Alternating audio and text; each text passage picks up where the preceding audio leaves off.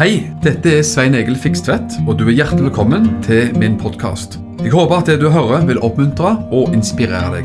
Ønsker du mer informasjon om arbeidet i drivet, så kan du gå til mission-alliance.org. Gud velsigne deg. Vi skal gå snart inn i uh, Guds ord, og, um, så skal vi be litt også. Men uh, la meg bare nevne sånn veldig kjapt da, at uh, det er fantastisk å tjene Gud. Er du kjenner i det? Tjene Herren. Og uh, få lov til å være med og utbre Guds rike og få lov til å gjøre de ting som, som Herren leder oss til. Og det, jeg vil bare dele en liten sånn seier, bitte liten seiersrapport fra mitt arbeid. Fordi at jeg har ikke vært og reist, Nå er det snart et år siden jeg var og reiste sist utenlands. faktisk. Det var i Israel, faktisk, hvor vi hadde predikantseminar i Israel. Men man har jo holdt på med mange ting i Norge, i Norge og så har jeg hatt gleden av å være med og samle inn midler til kirkebygging i Burkina Faso.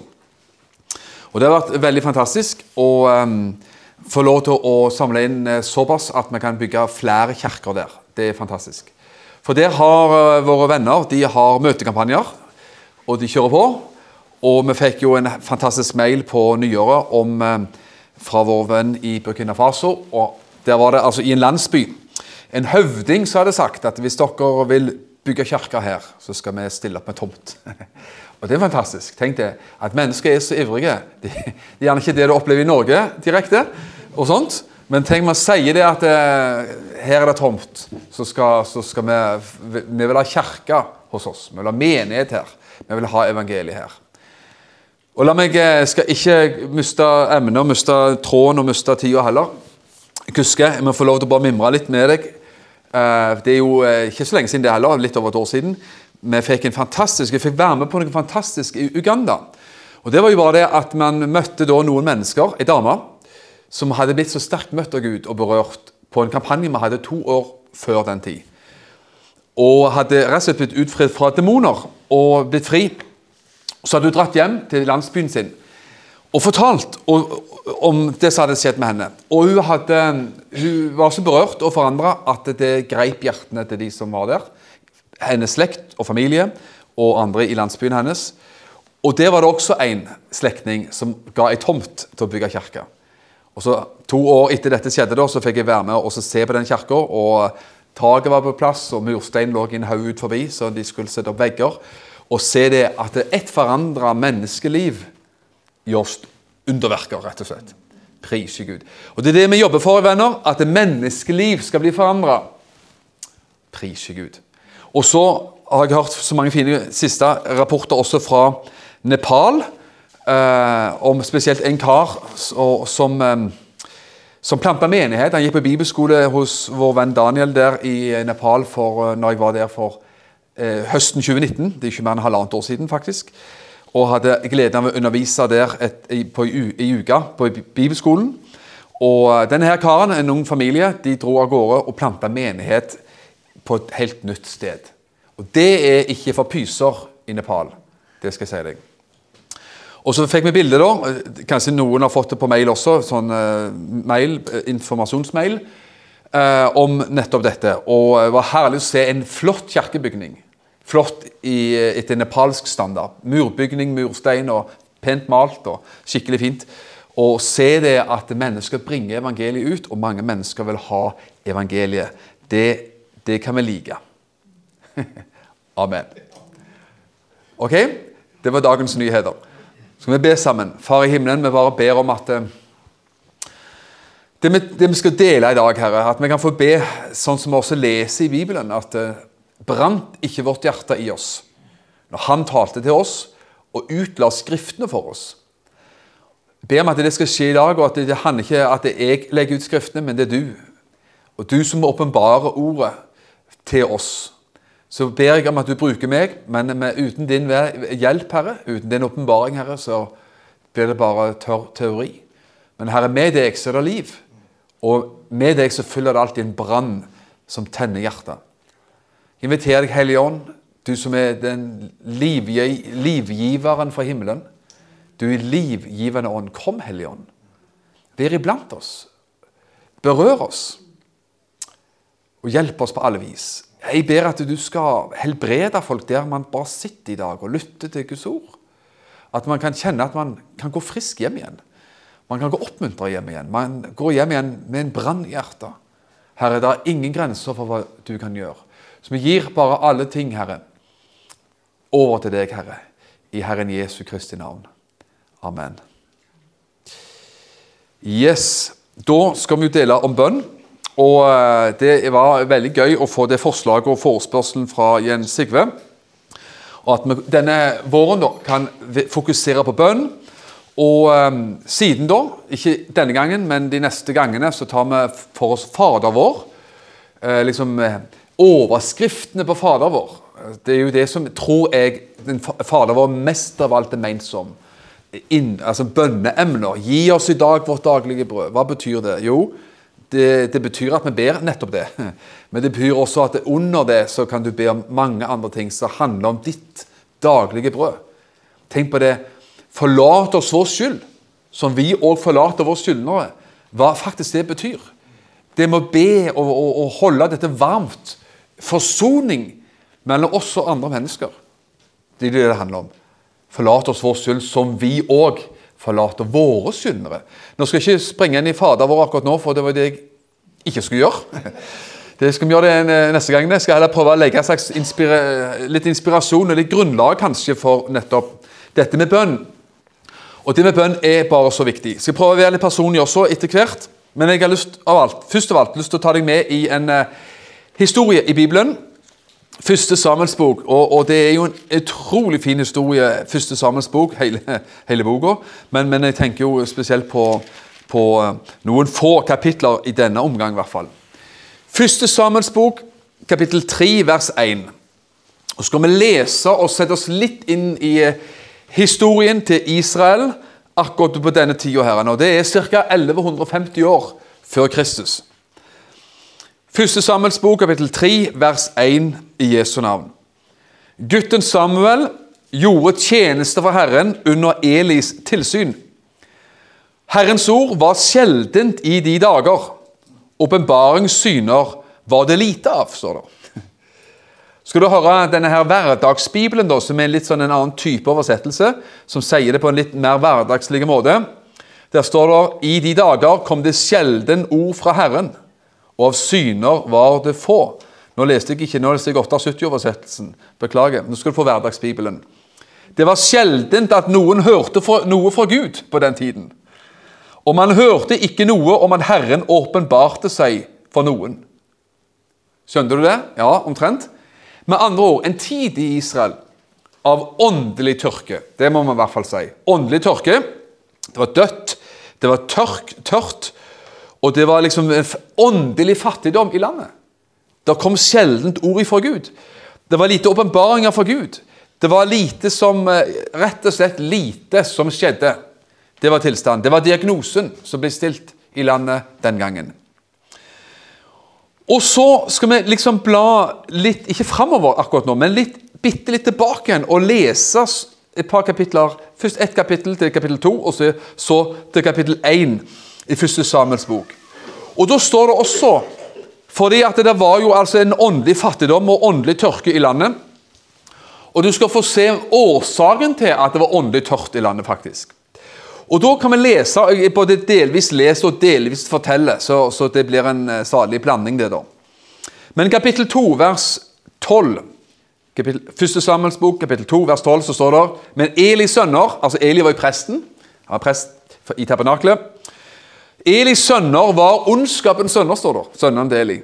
De kjente ikke Herren. Prestene, prestesønnene. Og de var ikke bare prestesønner, de var prester, de også. De kjente ikke Gud. ikke det utrolig? De var prester, og de skulle bringe mennesker til Gud. De skulle drive offertjeneste og, og skjøtte de hellige ting på en god måte.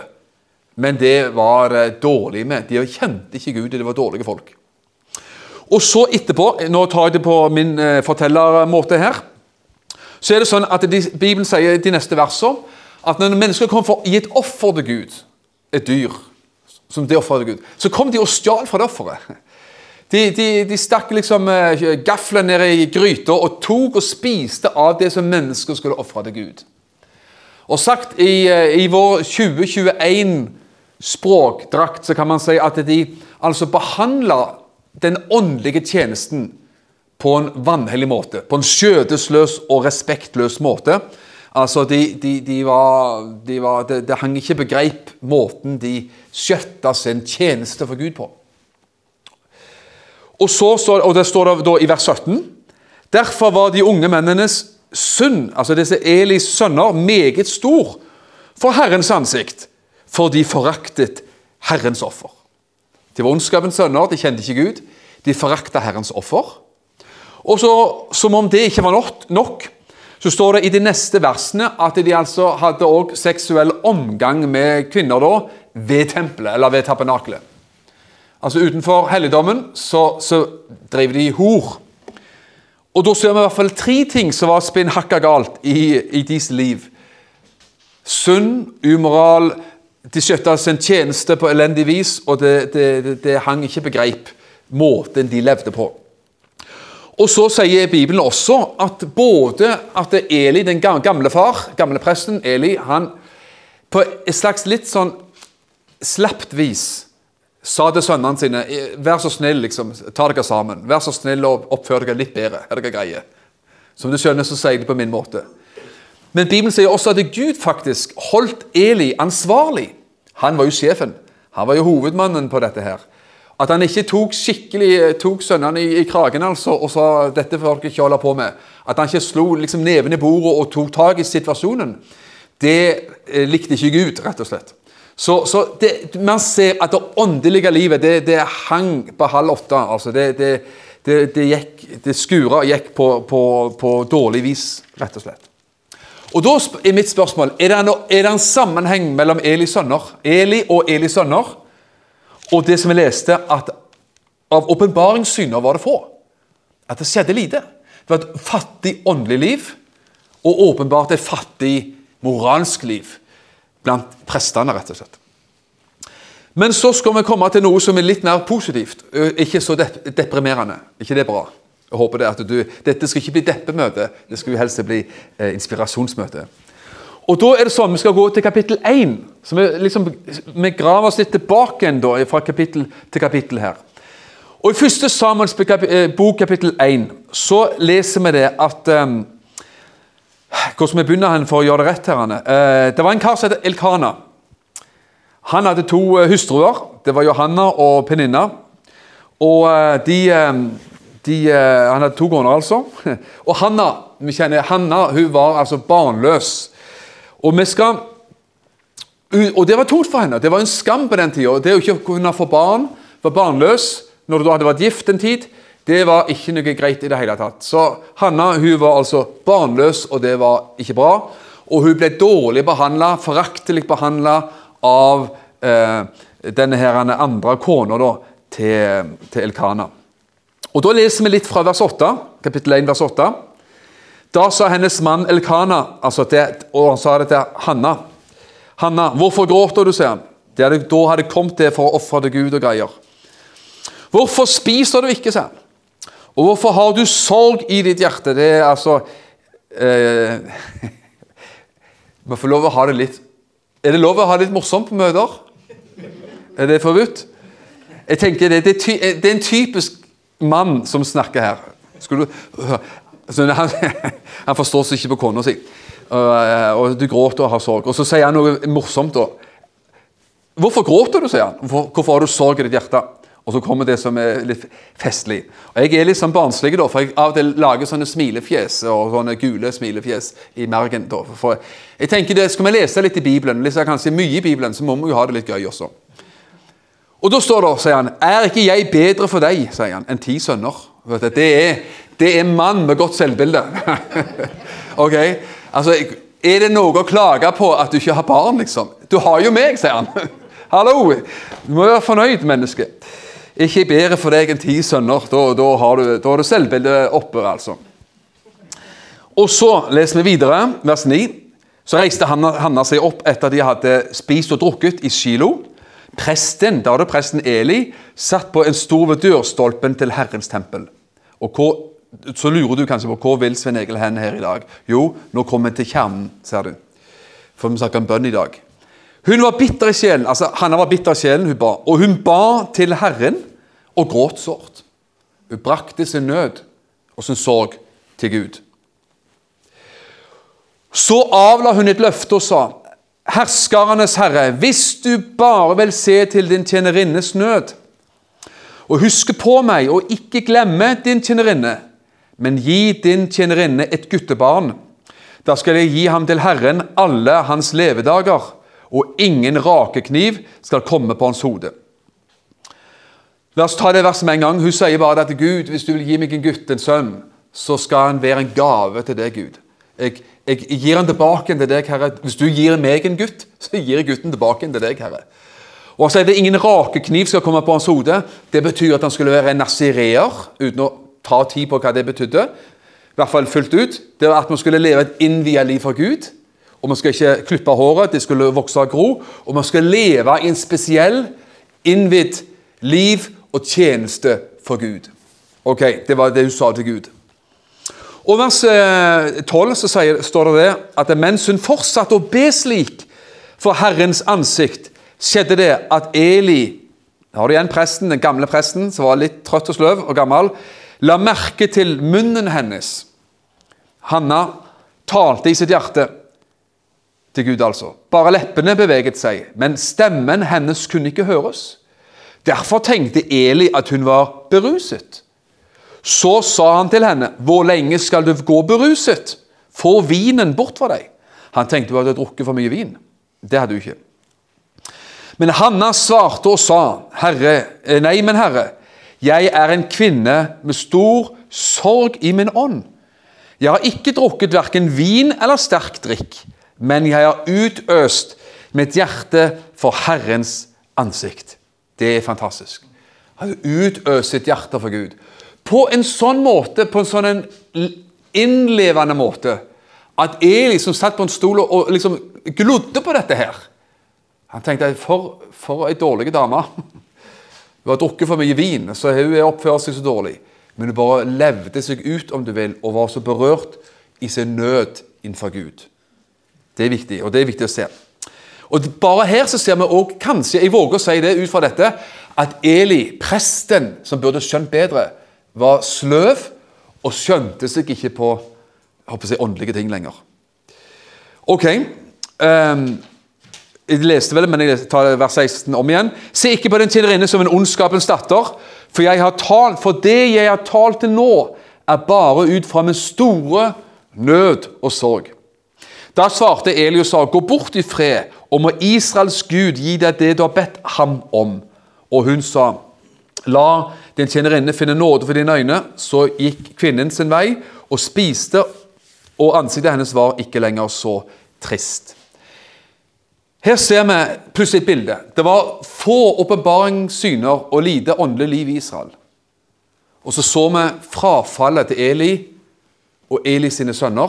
De levde jo sitt eget rare liv. Dårlige liv. Men så ser vi noe som skjer bak kulissene. Hanna. Hanna. For for ei dame. Halleluja.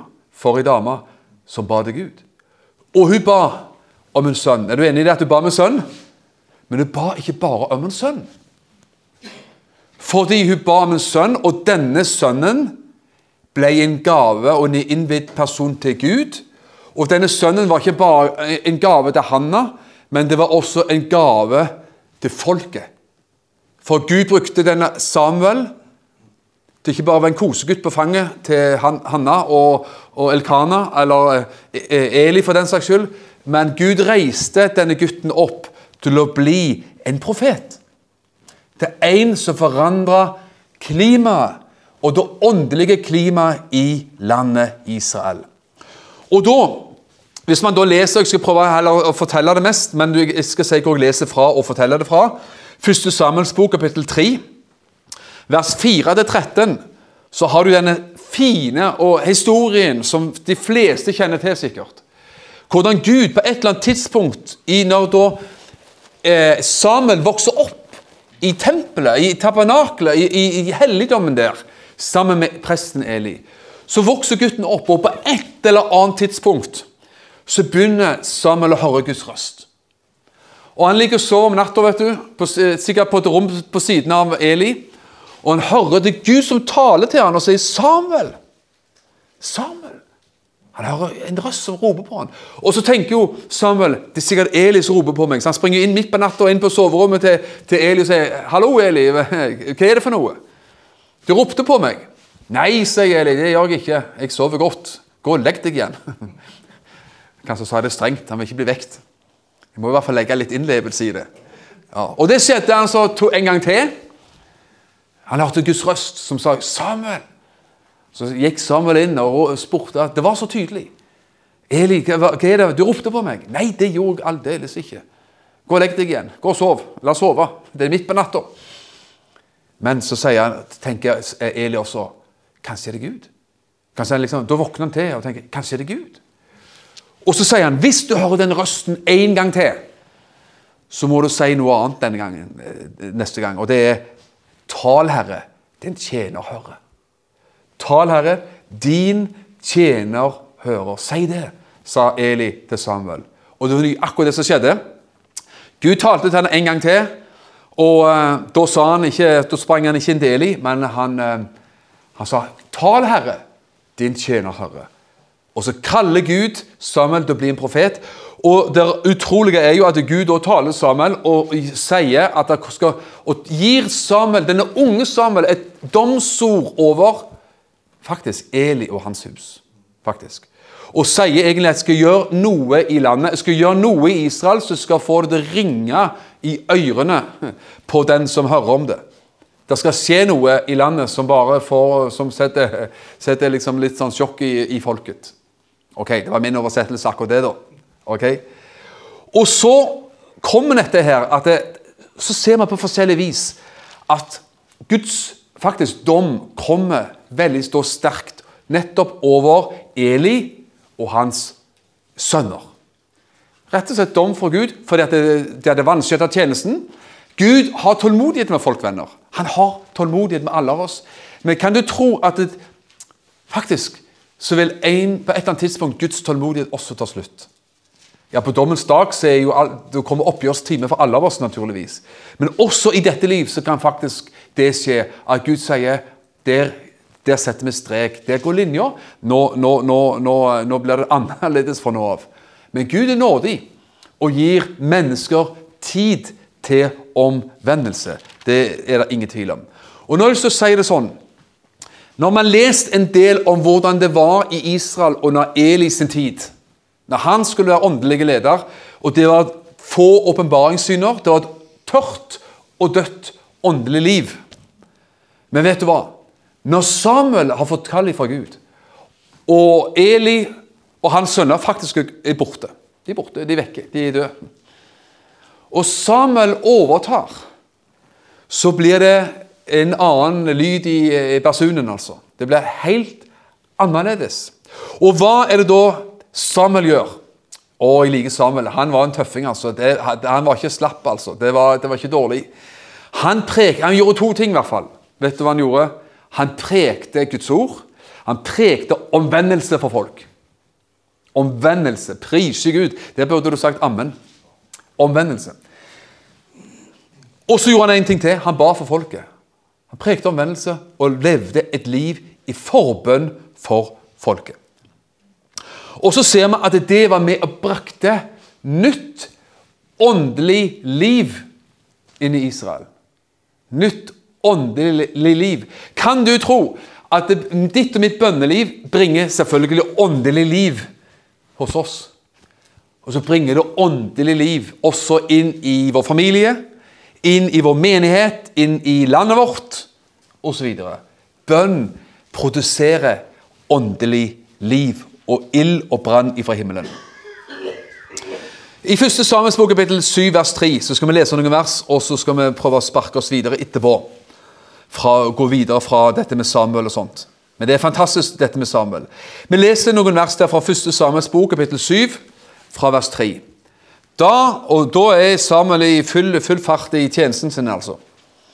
Da talte Samuel til hele Israels hus og sa hm, Hvis dere vender om til Herren av hele deres hjerte, kan du se det at det er litt annen tone enn det som Eli og hans sønner holdt på med. Hvis dere vender om til Herren av hele deres hjerte, må dere få de fremmede gudene og astartene, det er en type avgud, bort fra dere. Rett deres hjerter mot Herren og tjen ham, ham alene. Kan du se det? Utfordrende og tydelig forkynnelse. Da skal han fri dere ut fra filisternes sånn, fienden. Og så fikk Israels barn balene og astartene, altså avgudene, bort fra seg, og de tjente Herren, ham alene. Altså Han prekte omvendelse, og folket omvendte seg til Gud. Og Så sier Samuel også i eh, vers 5.: Samuel sa, samle hele Israel i Mispa, så skal jeg be til Herren for dere. Jeg skal be for dere, sier han. Prise Gud. Vi skal må lese noen få vers til. Så samlet de seg i Mispa, de dro opp vann og øste det ut fra Herrens åsyn. Den dagen fastet de, og der sa de, vi har syndet mot Herren. Og Samuel dømte Israels barn i Mispa. Altså En syndserkjennelse kom fra folket. Han prekte omvendelse, vende seg til Gud og få vekk avgudene. Og folket sa vi har synda mot Gud. Vers 7. Da filistene hørte at Israels barn hadde samlet seg i Misba, dro filisternes ledere opp mot Israel. Da Israels barn hørte det, ble de redde for filistene. De ble redde for fienden Israel. Men så står det noe helt fantastisk.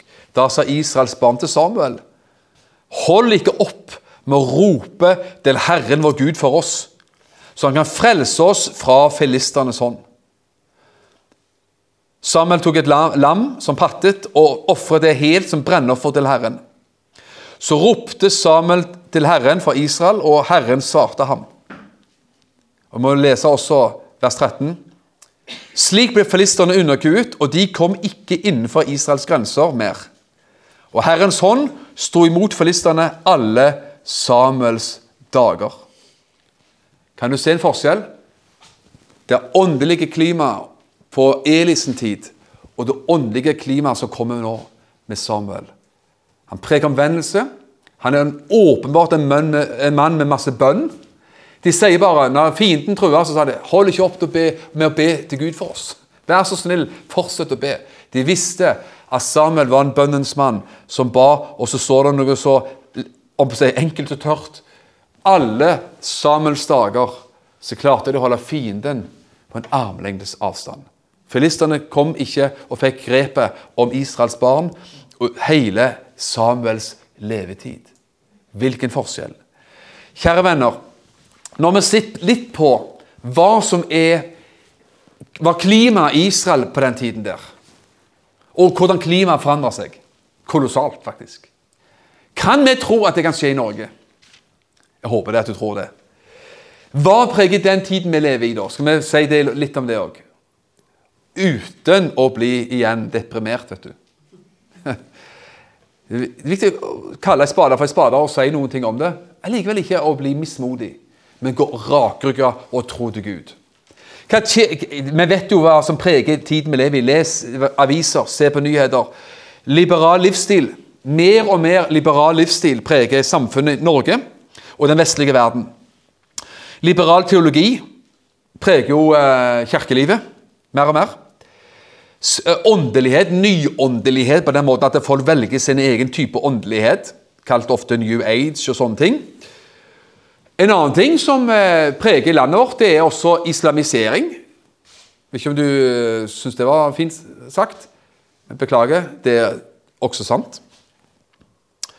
Jeg må si det. Eh, jeg hørte et fantastisk foredrag i går av en kar på et MIF-møte med Israel for fred i Arendal. Tidligere en som er aktiv i Rødt, rød, den gangen Rød valgallianse.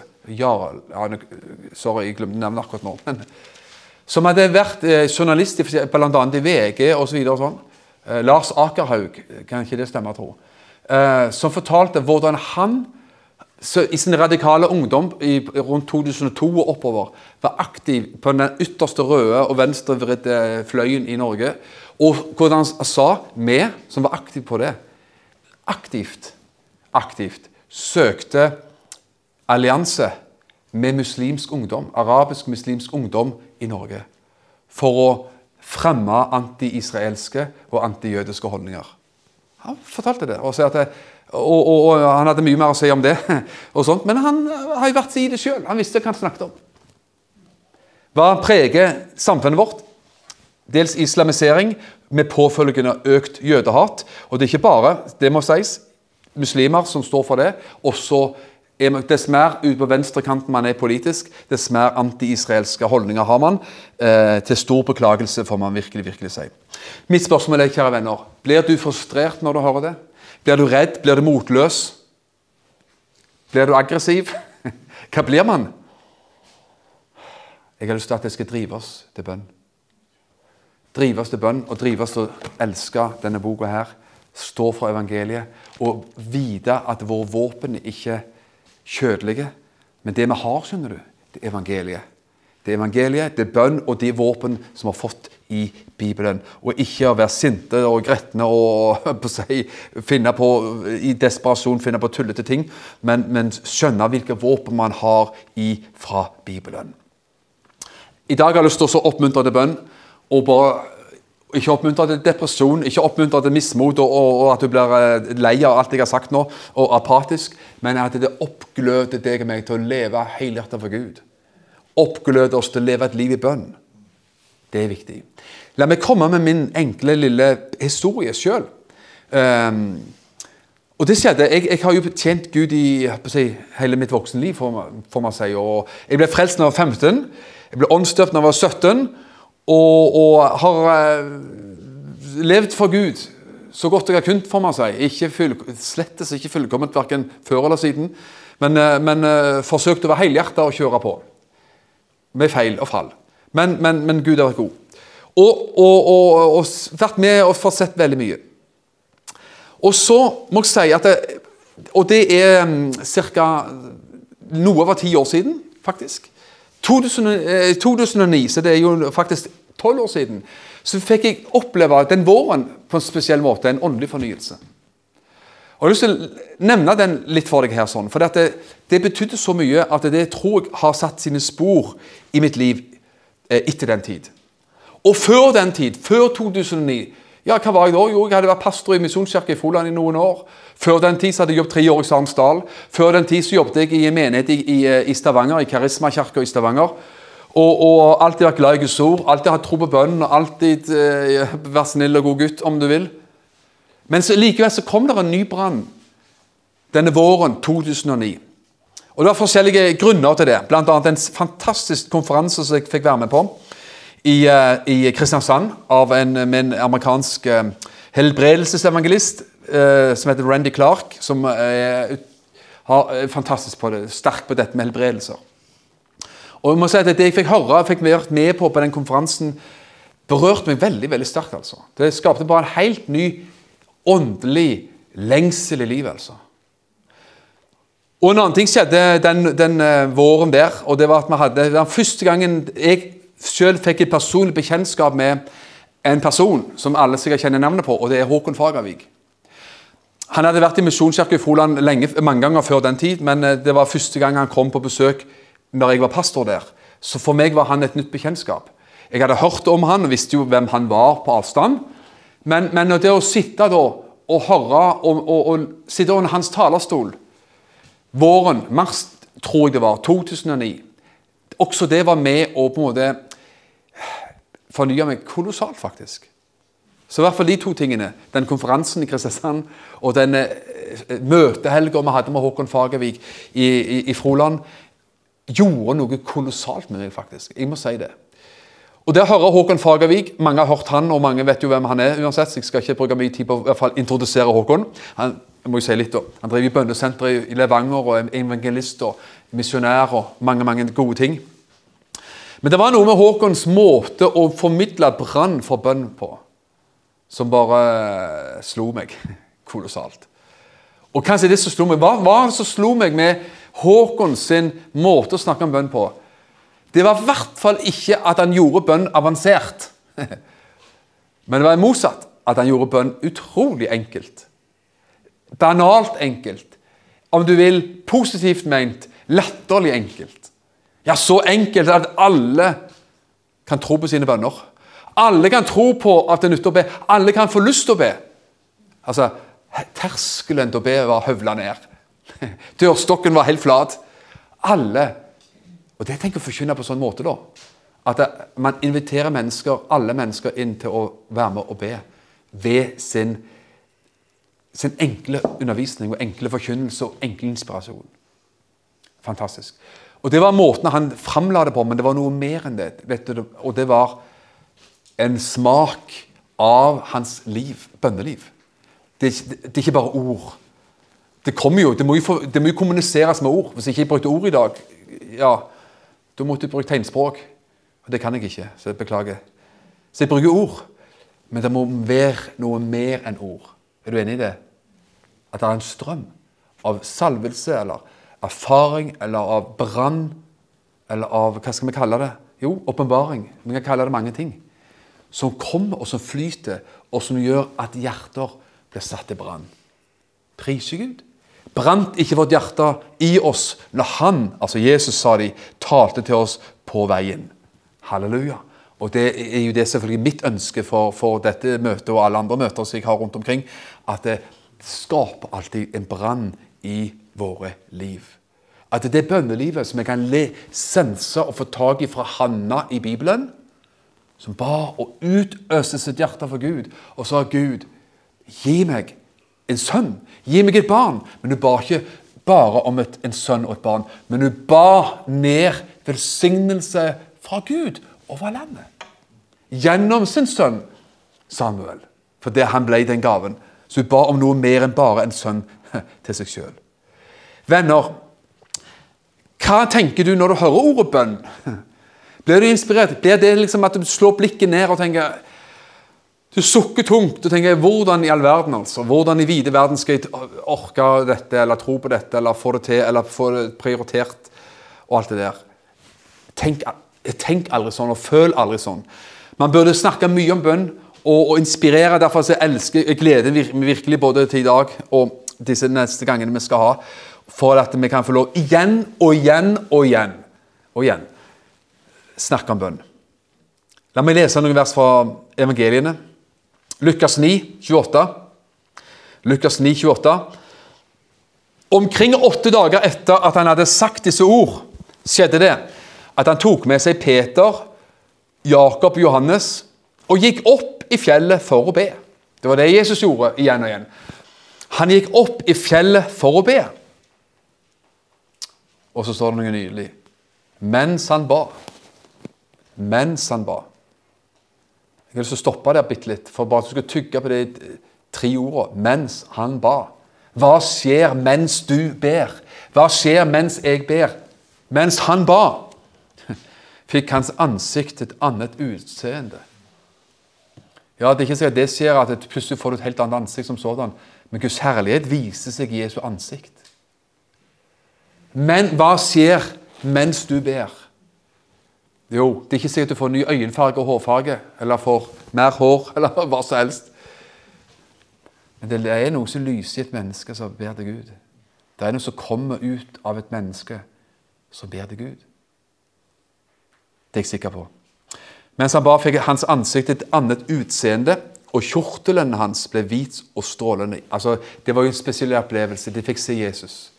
Denne brune Jesus som du Jesus var jo en Midtøsten-mann. Brune øyne, brunt skjegg, brunt hår.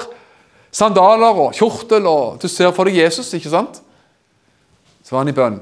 Og denne ene opplevelsen var, Det var, skjedde neppe alltid, men det skjedde nå. Plutselig så ble det annerledes. Denne brune Jesus ble hvit, strålende hvit, og de fikk se ikke bare Jesus som menneskesønnen, men de fikk se Jesus som gudesønnen. Det er viktig. Det er, han er begge deler, men han er sannelig ikke bare menneskesønn, han er gudesønnen. Og så leser vi noe fantastisk. Litt senere, bare, i Lukas 11, vers 1. Det er vers du kjenner godt til, tror jeg. Da er det disiplene sier til Jesus, Lukas 11,1.: Herre, lær oss å be, sa de. Jesus. Altså, Litt før så hadde de sett Jesus i aksjon. Da hadde jeg sett Jesus i bønn og sagt du, du verden som vi trenger dette. og så sa de, det kommer du til Jesus. Jesus, kan ikke du lære oss å be, er du grei? vi ser jo det at når du ber, da, da er det noe som skjer. Da er det noe som er på gang. Lær oss å be. Og vet du hva?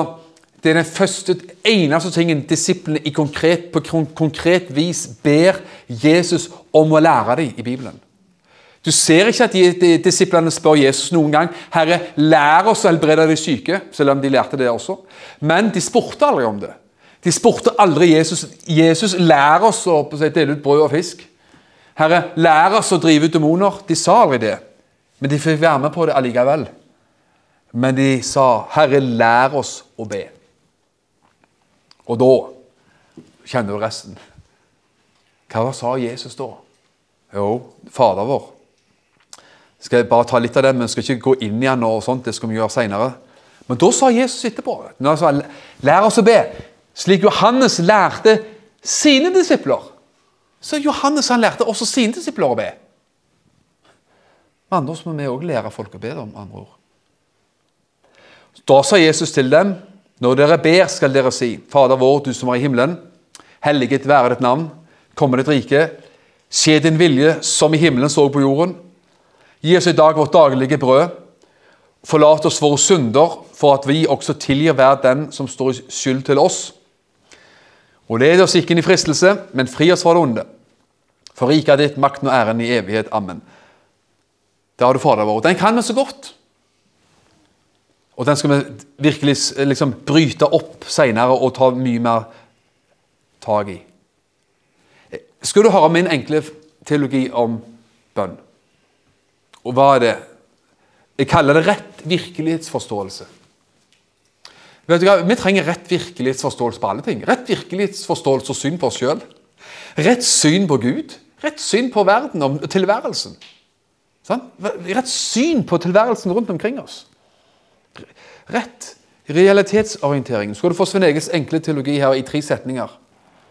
Nummer én. Du og meg duger ikke.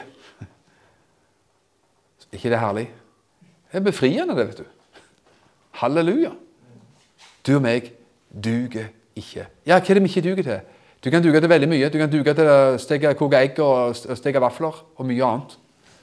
I forhold til de ting som Guds rike gjør bære frukt for Gud, ja, da duger man. Å leve kristenlivet i egen kraft Du duger ikke. Du duger ikke. Men det kommer et bedre punkt som nummer to, og det er at Gud duger. Nummer én er at du og meg duger ikke. Nummer to er Gud duger veldig godt. Er du enig i det? Gud han fungerer veldig greit. Han er alltid på vakt. Han har ikke gått av vakt. Han har morgenvakt, Kveldsvakt og nattevakt. Han går aldri av vakt. Se, han slumrer ikke og sover ikke, Israels vokter. Så han er på hele tida, han, vet du. Og så, hva er, hva er, kombinasjonen av at du og meg duger ikke, men Gud duger? Nummer tre er derfor konklusjonen er derfor trenger vi Gud. Derfor trenger vi Han. Vi trenger å søke Han. Halleluja. Det er befriende ikke å duge sjøl. Men det er meget befriende å få koble seg til Han som duger, gjennom bønn. Og Jesus minte oss om det. Det han sa. 'Jeg er vintreet', sa han. Eh, Johannes 15, 5. Jesus brukte dette eh, bildet om et vintre for å fortelle om noe om hvordan livet med Jesus fungerer. Eller hvordan vårt liv, vår avhengighet og vår kobling med Jesus fungerer. Som en grein er på et tre poda inn i treet, eller vokser ut fra treet. tre. På samme vis så er vi som en grein på Han som er vintreet. Og Da sier Jesus, Johannes 15, 5, Jeg er vintreet, og dere er grenene. Åh, ikke det herlig?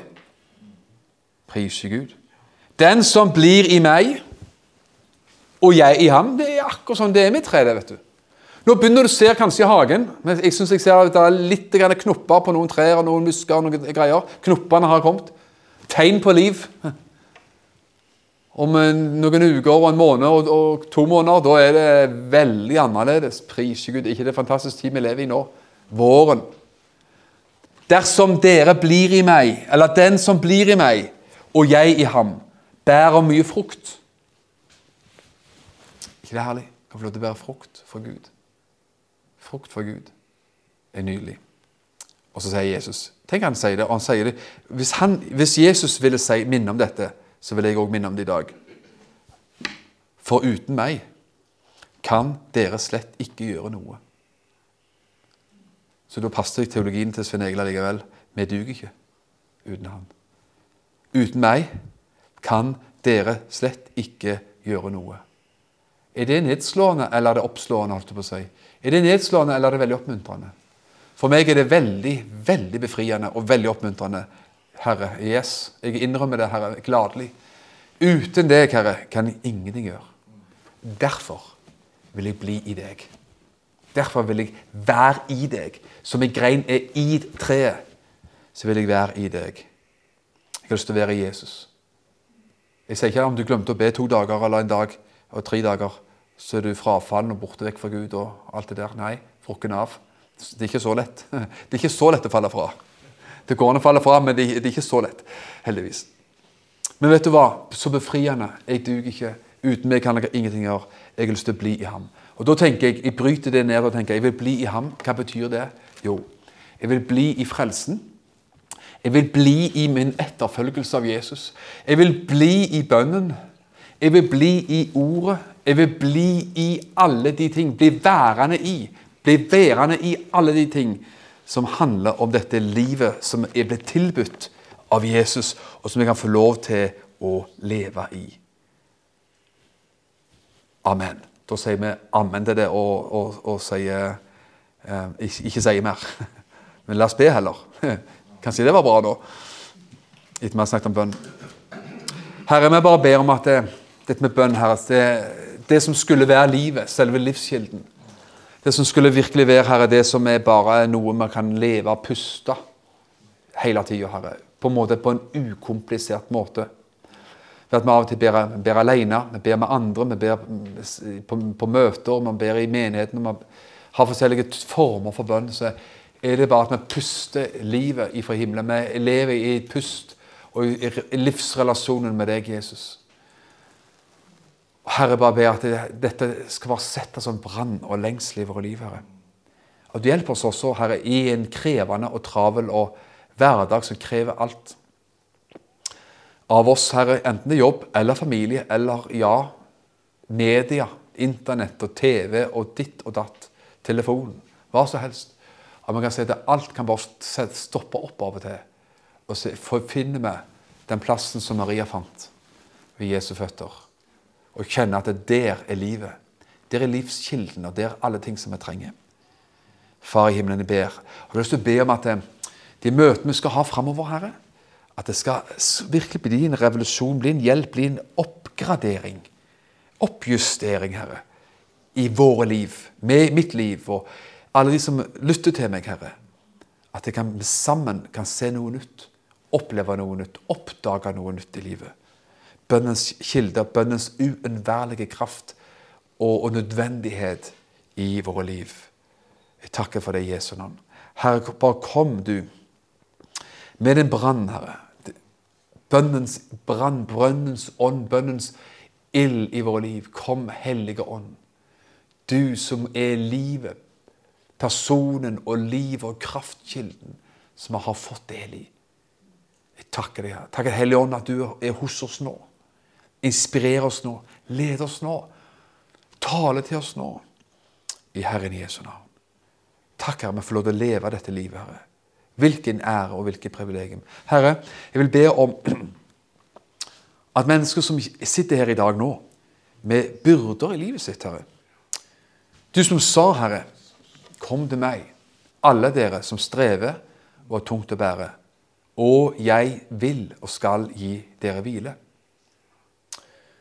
Herre Jesus, takk vi her og nå kan få lov til å gjøre det. Bringe byrder, bekymring, trykkende ting og tyngende ting også ubesvarte spørsmål, Herre. Ting man ikke har fått svar på. Som plager livet. Som plager tankelivet. Som plager troslivet. Som plager følelseslivet. Jeg ber om nåde, Herre, til å legge alt det der fram på ditt alter. Bringe det og slippe det fra oss der. og bytte det ut og si Herre, jeg kommer med alle mine også ubesvarte spørsmål. Jeg kommer med alle mine paradokser. Jeg kommer med alle mine saker, piner og plager. Legger det ved din, dine føtter. Og så får jeg din fred i stedet for. Hvilken byttehandel? La alt som ligger der på hjertet, komme fram for Gud i bønn og påkallelse med takksigelse. Og Guds fred, som overgår all forstand, skal bevare deres hjerter og tanker i Kristus Jesus. Herre, så akkurat nå så har jeg lyst til å be om at det skal skje for hver eneste en av oss. Jeg har lyst til oppmuntre oss, kjære venner, brødre og søstre. Det som du kjenner at det, det, det, det som du vet er liksom burden i livet, som trykker deg ned, som tar energi, som tar, er bekymringsbyrde av et eller annet slag. Jeg har lyst til, Du skal selvfølgelig ikke rope det høyt ut, men sett navn på det her akkurat nå. Der du innenfor Gud og sier, 'Herre, det og det og det, det legger jeg nå ved dine føtter.' Det bringer jeg nå fram for deg. Kast all deres bekymring på Herren, for Han har omsorg for dere. Far i himmelen, takk vi kan få gjøre det nå i Jesu navn, og tro på at når vi går herfra i kveld, så kjenner man en helt annen letthet på livet. Når man våkner i morgen tidlig, så kjenner man på en helt annen letthet i livet. I Herren Jesu navn. Takk skal du ha, Jesus. Amen. Takk for at du har lytta til denne podkasten. Jeg ønsker deg en velsigna god dag.